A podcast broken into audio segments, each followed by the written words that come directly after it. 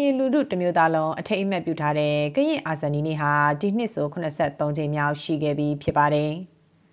လူမျိုးတစ်မျိုးမျိုးနွယ်စုတစုလေးစားအားထားရတဲ့လူတွေကိုအာဇာနည်အဖြစ်သတ်မှတ်ကြပြီးကရင်တော်လှန်ရေးသမိုင်းမှာတော့စောဘဦးကြီးနဲ့အပေါင်းအပါတွေကြာဆုံးခဲ့တဲ့1950ဩဂတ်လ12ရက်ဟာအဖိုးတန်တဲ့ကရင်အာဇာနည်နေ့ပါ။ စောဘဦးကြီးဟာကရင်ပြည်နယ်တီးခြားရရှိဖို့အတွက်တောင်းဆိုခဲ့သူဖြစ်တယ်လို့တောင်းဆိုရင်းမရရှိတဲ့အတွက်ကရင်အမျိုးသားအစည်းအရုံးကိုဦးဆောင်ပြီးပထမဆုံးလက်နက်ဆွဲကိုင်းတော်လှန်ခဲ့သူဖြစ်ပါတယ်။စောဘဦးကြီးကြာဆုံးပြီး290ကျော်ကြာတက်တန်းကြာရှည်လာခဲ့ပေမဲ့သူမျှော်မှန်းတဲ့တီးခြားလွတ်လပ်သောကရင်ပြည်ကရုပ်လုံးပေါ်ဖို့ကြိုးစားနေရစေပါ။ မိခင်အဖွဲ့အစည်း KNU လို့တင်စားခေါ်ဝေါ်ကြတဲ့ကရင်မျိုးသားအစည်းအရုံးကနေဒီမိုကရေစီအကျိုးပြုကရင်တက်မတော် DKBA ကရင်ငင်းချမ်းရေးကောင်စီ KNU KNLPC နဲ့ကရင်နယ်ကြားဆောင်တဲ့ BGF စတဲ့ကရင်လက်နက်ကိုင်အဖွဲ့တွေဟာတကွဲတပြားစီခွဲထွက်လာခဲ့ပါတယ်။လက်ရှိအာဏာသိမ်းကာလຫນွေဦးကျော်လိုင်းရေးအတွင်မှာလည်း KNU ရဲ့အမျိုးသားကာကွယ်ရေးတပ် KNDO စစ်ဦးစီးချုပ်ဟောင်းဖြစ်တဲ့ ဗိုလ်မှူးစောနယ်ဒါများကပြီးခဲ့တဲ့နှစ်ဇူလိုင်လမှာ KNU ကနေထုတ်ပယ်ခံရပြီးနောက်ကော့တူးလီတမတော်ကိုဖွဲ့စည်းခဲ့ပါတယ်။ကရင်လက်နက်ကင်တပ်ဖွဲ့ဝင်တွေအချင်းချင်းသဘောထားမတိုက်ဆိုင်မှုကြောင့်ပြန်လည်ပစ်ခတ်ကြလို့သွေးချောင်းစီးခဲ့တဲ့မာနယ်ဘလော့ဖြစ်စဉ်မျိုးတွေလည်းရှိခဲ့သလိုလက်ရှိမှာလည်းထိတွေ့တိုက်ပွဲအချို့ဖြစ်နေကြဆဲပါ။ စောဘဦးကြီးတို့လိုပေးဆက်ခဲ့ရတဲ့ကရင်ခေါင်းဆောင်တွေမျှော်မှန်းချက်အတွက်လက်ရှိကာလတွေမှာကရင်အစုအဖွဲ့တွေကြားကပြန်လည်ပေါင်းစည်းရေးဟာအပြေရှာရခက်နေစေဖြစ်တယ်လို့ KNU တပ်မဟာ6နေမြေတပ်ရင်း20ခွန်ကကရင်လူငယ်စောအဲကမွေကဆိုပါတယ်ကျွန်တော်ရဲ့အနာဂတ်အတွက်ဘယ်လိုလှုပ်ဆောင်မယ်ဘယ်လိုတိုးတက်အောင်လုပ်မလဲဆိုတော့အများကြီးလိုအပ်တော့ဗောကျွန်တော်လည်းလုပ်စီချပါတယ်ဒါပေမဲ့ကျွန်တော်ဒီကရင်ပြည်နယ်မှာနေခဲ့တဲ့ ကာလာတက်တန်ရှချောတော့ဗျာကျွန်တော်တို့ကရင်ပြည်နယ်ရရန်ငွေနေနဲ့ရောပြီးတော့ဒုစရိုက်နေမီနေနဲ့ရောတားကြီးကိုဆိုးတယ်အဲ့ဒါကြီးကျွန်တော်ကျွန်တော်မဖြစ်စေချင်ဘူးဗျာဘယ်သူမှမဆုံးရှုံးပါဘူးကျွန်တော်တို့ကရင်လူငယ်တွေပဲကျွန်တော်တို့လည်းကျွန်တော်တို့ဒီကရင်ကရင်လူမျိုးတွေလည်းကြာပြီးသားဆေးအာနာရှင်ရဲ့ဆူဆူမှုချေလဲမှုအောက်တွေအဲ့ဒါတွေကိုကျွန်တော်တို့လည်းမဖြစ်စေချင်ပါဘူးအဲ့ဒါကြောင့်ကျွန်တော်တို့လည်းဒီတော်လန်ရေးပါဝင်ပြီးတော့တိုင်နေဖွဲ့စည်းရ 9မျိုးလောက်တော့ဖြိုသွားပြီအဲ့တော့ကျွန်တော်တို့အမြင်နဲ့တော့မကောင်းဘူးအားလုံးကရင်ဆိုရင်လည်းအကုန်လုံးတစုတစည်းတဲ့ပြန်တိုက်လိုက်ဒီစစ်အာဏာရှင်ကိုတူပေါင်းစည်းပြီးတိုက်ရင်းနေရန်သူခွဲလို့တော့ကြွယ်အောင်မဟုတ်ကျွန်တော်တို့အချင်းချင်းတွေပဲနားလဲမှုကွဲပြားတာတွေအဲ့လိုတူစားတွေရှိရှိတဲ့ချိန်ကြတော့ကျွန်တော်တို့တွေအဲ့မောအချင်းချင်းတွေပြန်ပြစ်နေတာတွေဘာမှအကျိုးမရှိဘူးလေအကုန်လုံးတစုတစည်းတဲ့တိုင်းမှာကိုလိုချင်တဲ့အရာတွေလည်းရမှာဟုတ် ကရင်လက်နက်ကိုင်ဖွဲ့စည်းတွေမှာအဖွဲ့ဝင်တွေအကွဲအကွဲဖြစ်လာတဲ့ကိစ္စဟာဖြစ်လိဖြစ်တာရှိတဲ့ကိစ္စလို့နိုင်ငံရေးအတိုင်းဝိုင်းကဆိုကြပါတယ်။ကွဲပြဲသွားတဲ့ကရင်လက်နက်ကိုင်တွေပြန်လဲစီလုံးမှုတွစ်ဆုံဆွေးနွေးမှုတွေအကြိမ်ကြိမ်ဆောင်ရွက်ခဲ့ပေမဲ့ဒီနေ့အချိန်ထိစီလုံးညီညွတ်မှုကိုမရရှိသေးပါဘူး။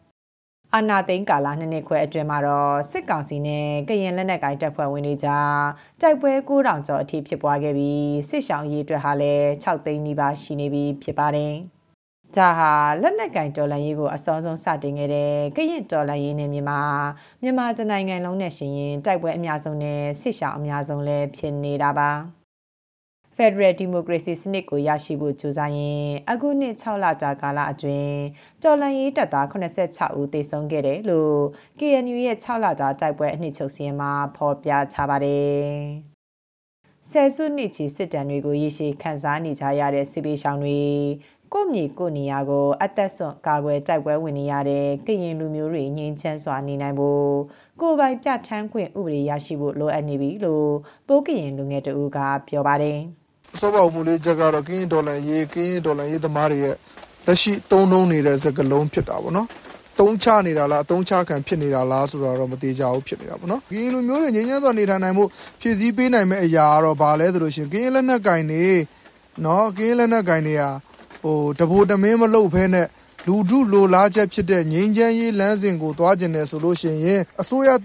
တစ်တရက်ပေါ်ပေါက်ရမယ်အစိုးရတစ်ခုပဲရှိရမယ်ကင်းလက်နက်ကင်တစ်ခုလည်းပဲရှိရမယ်ကင်းပြည်နယ်အတွင်းမှာရှိကြတဲ့လူတွေအားလုံးလူတို့ကငြိမ်းချမ်းစွာနေထိုင်နိုင်မဲ့အားလုံးပေါ်မျှတတဲ့အကျိုးသက်ရောက်တဲ့ပြည်နယ်ဥပဒေတရက်ဒီလိုမျိုးရေးဆွဲနိုင်ရမယ်ပေါ့နော်အဲအဲ့လိုမျိုးဆိုရင်တော့ကင်းနေငြိမ်းချမ်းရေးရမယ်လို့မျှော်လင့်တာပေါ့နော်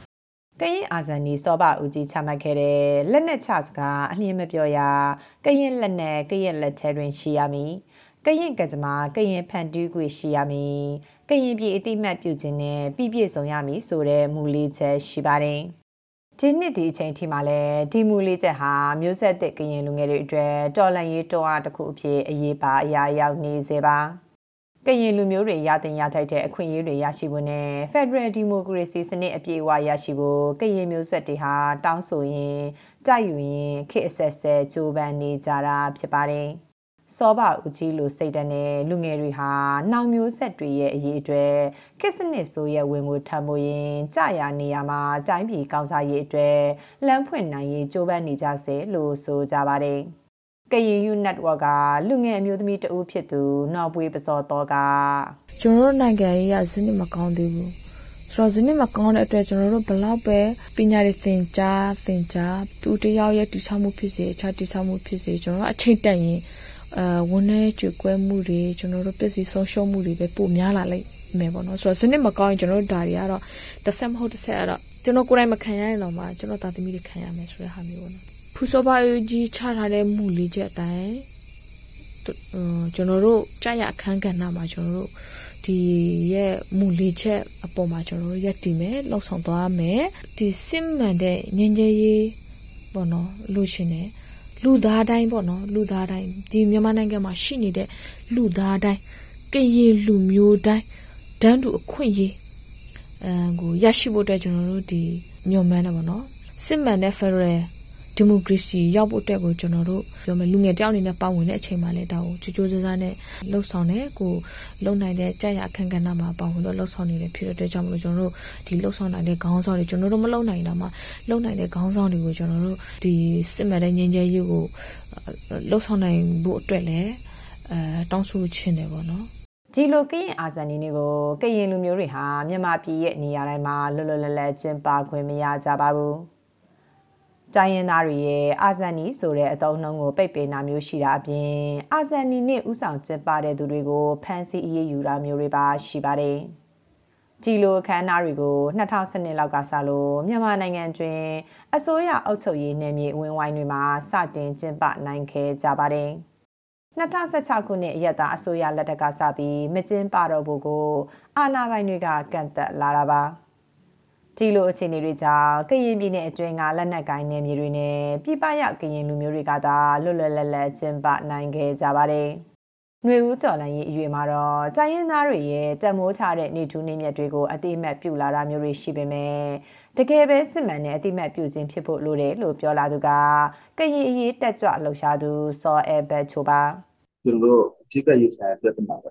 အတိအမှတ်ပြုမှုပြဿနာအာဇာနစ်တဲ့သုံးလို့တော့ကျွန်တော်တို့နဲ့မဆိုင်ဘူး ဒီသုံးတော့ပမာစကလုံးရှိတယ်ကျွန်တော်တို့ကဘာကြောင့်တော်လည်းလုံးနေရတာဒီနိုင်ငံကတရားမတတ်တဲ့နိုင်ငံဖြစ်လို့ဆိုဘယ်လည်းမကပါဘယ်ဘယ်ဘယ်လူမှလည်းမကပါကျွန်တော်ကရေခုပဲဟိုထပ်ထောင်ပြီးတော့မှလုပ်တဲ့ကိစ္စမဟုတ်ဒါကိုသူတို့မမြင်ကျွန်တော်တို့တွေကိုပဲဖြည့်ပြီးတော့မြင်တယ်အမျိုးမျိုးဖြစ်နေတယ်အပြေးခေါ်ရလည်းဖြစ်နေတယ်စာပေရလည်းဖြစ်နေတယ်အသုံးလုံးရလည်းဖြစ်နေတယ်ဆိုကျွန်တော်တို့တရားခံကြတယ်ဒီလိုဖြစ်နေမှုကလည်း